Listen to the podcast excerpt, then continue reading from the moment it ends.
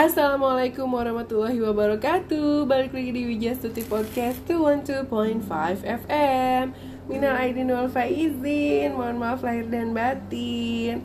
Sudah masuk di uh, lebaran tahun 1444 Hijriah. Semoga semuanya bisa saling memaafkan dan ibadahnya makin oke lagi ya. Kali ini kita mau ngobrolin tentang anak kecil yang sensitif kan biasanya kalau lagi kumpul keluarga tuh kita ketemu sama anak-anak yang uh, lumayan beda-beda ya. Ada yang woles asal uh, ketemu teman baru langsung main. Uh, terus udah gitu nggak ada masalah nggak pakai nangis nangisan ada juga yang baru ketemu orang baru itu ngumpet atau nggak mau ketemu sama orang baru sama sekali atau malah nangis. Dan ternyata ada tipikal anak yang emang sensitif nih kayak si Gempi dia dikatain kayak kupu-kupu tuh bukannya seneng tapi malah nangis moms karena dia pikir kupu-kupu itu tuh jelek mukanya bagusan burung dan ternyata definisi anak sensitif ini adalah anak yang lahir dengan sistem saraf lebih waspada dan cepat bereaksi terhadap hal yang ada di sekitarnya. Biasanya nih, kalau anak mengalami kondisi ini tidak hanya sensitif pada tindakan atau kata-kata orang lain, jadi gampang baper nih anak ini nih. Tapi biasanya sama bau, suara, cahaya, bahkan mood orang-orang di sekitarnya. Dia cukup sensitif dengan mood orang-orang di sekitarnya. Dia bisa tahu banget kalau orang-orang di sekitarnya tuh lagi happy or sad or angry, dia tahu banget. Jadi anak-anak sensitif ini tuh biasanya bisa baca emosi orang tuanya. Haha, be careful.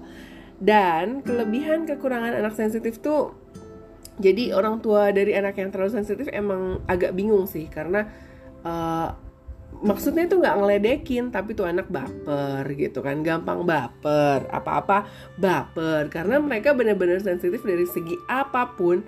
Nggak hanya perasaannya tapi juga dari bau dari suara dari cahaya dan juga paham mood orang-orang di sekitarnya. Nah anak sensitif ini biasanya akan merasa kewalahan dengan keadaan tertentu. Jadi misalnya dia ngeliat orang lain tertekan berada dalam situasi yang baru, terus mengalami perubahan secara tiba-tiba maupun berada di keramaian. Dia pengennya tuh menyendiri gitu kan, uh, apa namanya, terus nggak bisa tuh switch dari satu apa namanya satu keadaan ke, ke keadaan lain. Kalau aku sih termasuk yang nggak terlalu sensitif ya, cuman kalau udah ada orang yang ngomongnya ngeselin dulu dulu tuh senggol bacok kalau sekarang kayak udah nggak terlalu kayak gitu. Selain itu Terkadang nih anak sensitif juga bakalan ragu-ragu dalam mencoba hal baru dan kesulitan menghadapi rasa stres atau frustasi dia. Belum lagi biasanya dia dicap sebagai anak pemarah, cengeng atau pemalu. Sebenarnya nggak gitu, dia cuman pengen mengekspresikan atau pengen kasih tahu ke orang this is my feeling gitu kan ini yang lagi aku rasain gitu kan dan hal ini nih bikin anak yang sensitif ini sulit berinteraksi dengan orang lain. Namun di balik kekurangannya, biasanya anak sensitif ini juga memiliki kelebihan yang istimewa. Dia cenderung perhatian, penyayang, lembut, dan lebih mudah berempati. Jadi misalnya nih, anak yang sensitif akan membela anak yang mengalami bullying karena dia bisa merasakan apa yang dirasakan temannya tersebut. Wah, serba salah ya. Jadi ada uh, plus minusnya kalau punya anak yang sensitif kayak gini. Aku punya ponakan sih yang kayak gini nih. Selain itu anak sensitif cenderung lebih kreatif dan memiliki pemikiran yang dalam. Betul banget. Jika diarahkan dengan tepat anak sensitif ini dapat menuangkan emosinya untuk berkreasi seperti dalam gambar musik atau karya lain. Karakter ini nyatanya banyak dimiliki oleh para seniman dan penemu loh bun hmm, bisa dibilang anak sensitif ini terlihat kelihatannya kayak anak yang moody, gampang berubah perasaannya, tapi ternyata itu karena kesensitifan dirinya terhadap hal-hal di sekitar mereka. Ah, kasihan juga ya. Tips mendampingi anak-anak sensitif buat para orang tua nih, Mams. Menurut psikologi, pola pengasuhan orang tua itu e, menentukan apakah sifat sensitif ini akan menjadi sesuatu yang meresahkan atau justru menjadi kelebihan bagi anak. Nah, kadang gue sering lihat sih walaupun kita belum dikasih kesempatan untuk jadi orang tua aku sering karena aku dulu pernah ngajar di suatu sekolah eh di di dua sekolah aku ngelihat orang tua tuh kayak yang hmm, diawali dari semuanya adalah penerimaan dari orang tua saat orang tuanya nggak nerima keadaan anaknya ya ke sananya tuh akan jadi lebih susah. Tapi kalau saat di awal uh, orang tua udah bisa nerima keadaan anaknya, it will be really easy. Jadi bakalan gampang untuk apa namanya step forward ke depannya tuh kayak gimana untuk uh, mengasuh anaknya. Jadi biasanya kalau ada anak yang berkebutuhan khusus dan stagnan di situ-situ aja nggak ada kemajuan, itu kalian bisa lihat ke orang tuanya. Berarti antara salah satu ibu atau bapaknya ada yang nggak menerima dari kekurangan anaknya. Tapi kalau dua-duanya udah nerima, mereka langsung berpikir ke depan. Kira-kira anak gue, uh, oke, okay, misalnya gini, katakanlah uh, ada dua, ada seorang ayah sama ibu punya anak autis, terus nggak terima salah satunya. Nah, kalau salah satunya nggak terima, susah ke depannya karena uh, yang dipikirin tuh cuman kenapa sih gue punya anak kayak gini, kenapa sih harus begini, kenapa sih harus begitu. Tapi kalau dua-duanya udah saling menerima, berarti tinggal nih orang oke okay, anaknya begini nih ke depannya harus bagaimana gitu.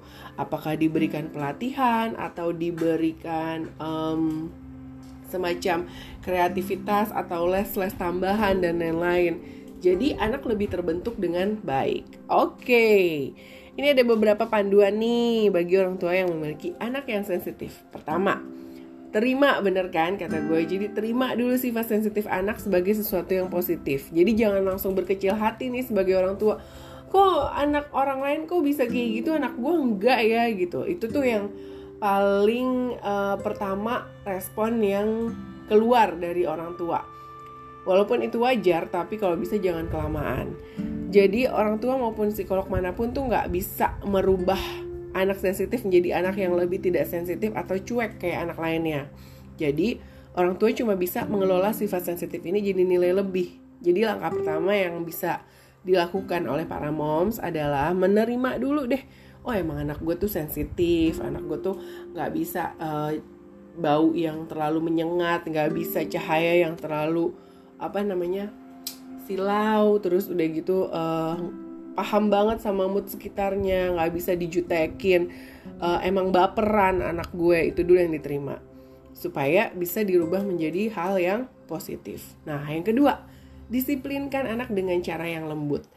Banyak orang tua yang uh, kesabarannya setipis tisu. Jadi begitu anaknya uh, melakukan hal-hal yang kurang lebih menyebalkan apalagi saat sedang bertamu Wah, itu ada drama kumbara tuh antara pelotot-pelototan sama ngeluarin kata-kata kasar atau nanti endingnya main fisik. Orang tuanya nyubit anaknya lah atau apalah. Sebenarnya mungkin itu uh, mereka tidak mau seperti itu, tapi kadang suka tanpa disadari melakukan hal seperti itu.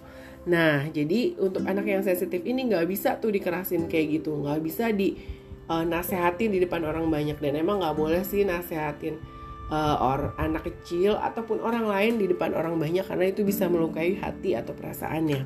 Jadi better seperti ini nih kalimatnya. Nontonnya 5 menit lagi ya, sesuai janji kita tidur di jam 9 malam. Gunakan kata-kata yang malaikat gitu. Nggak ada tuh kata-kata yang uh, setan kayak misalnya. Pokoknya nontonnya 5 menit lagi ya sesuai janji awas kalau nggak tidur. Jam 9 malam harus tidur. Nah nggak bisa tuh anak sensitif kayak gitu. Kayaknya sih uh, suami aku termasuk anak sensitif. Kayaknya jadi harus abi jam 5 tidur ya.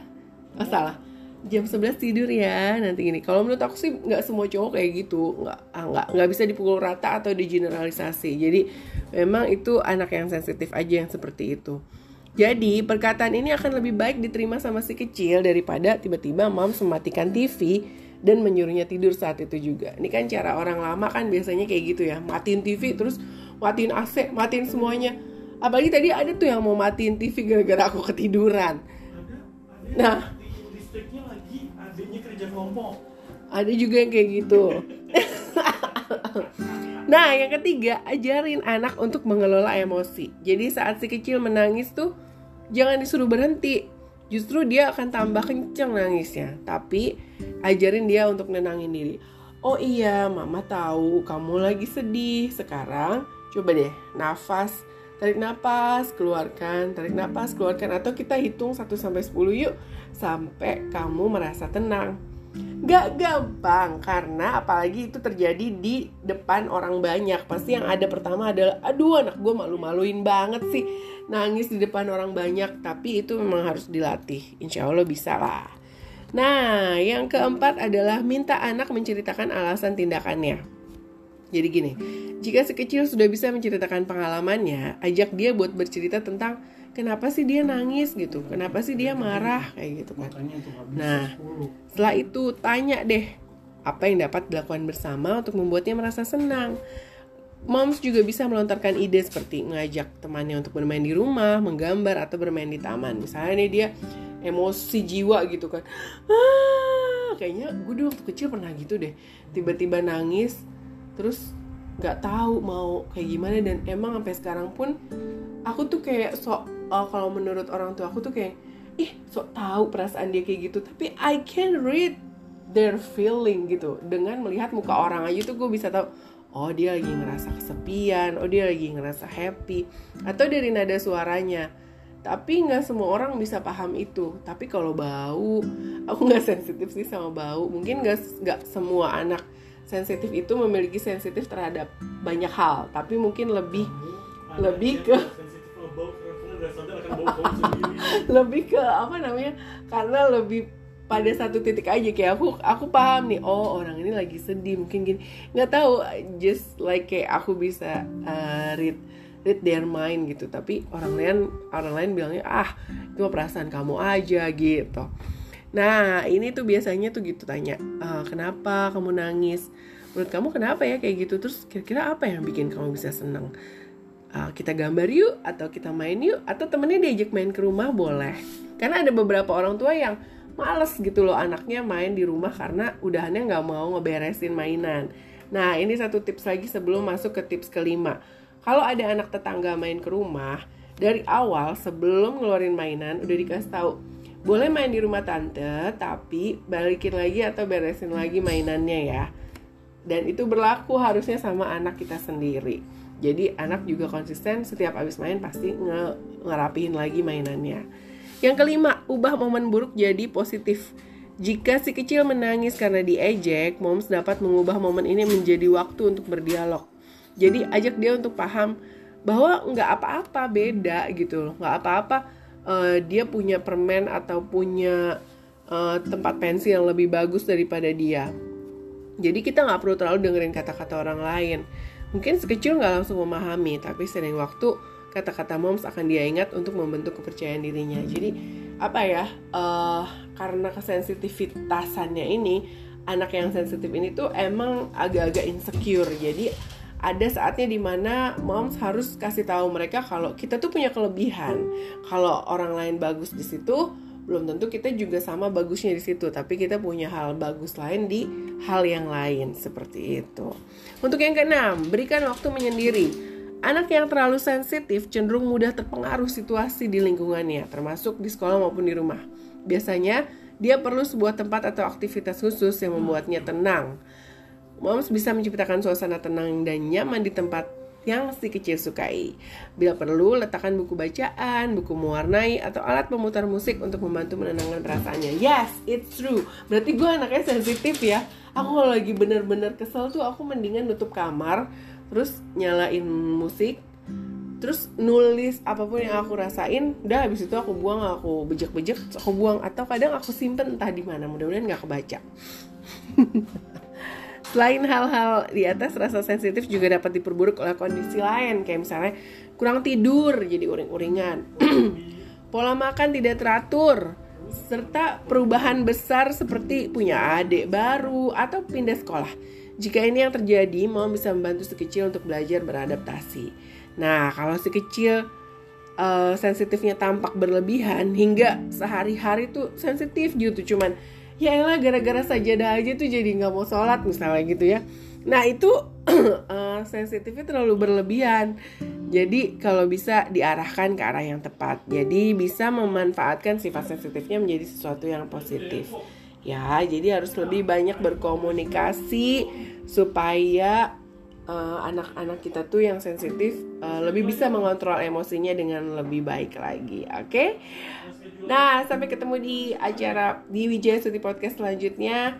kasih komen kira-kira uh, ngobrolin tentang apa lagi ya. See you when I see you and bye.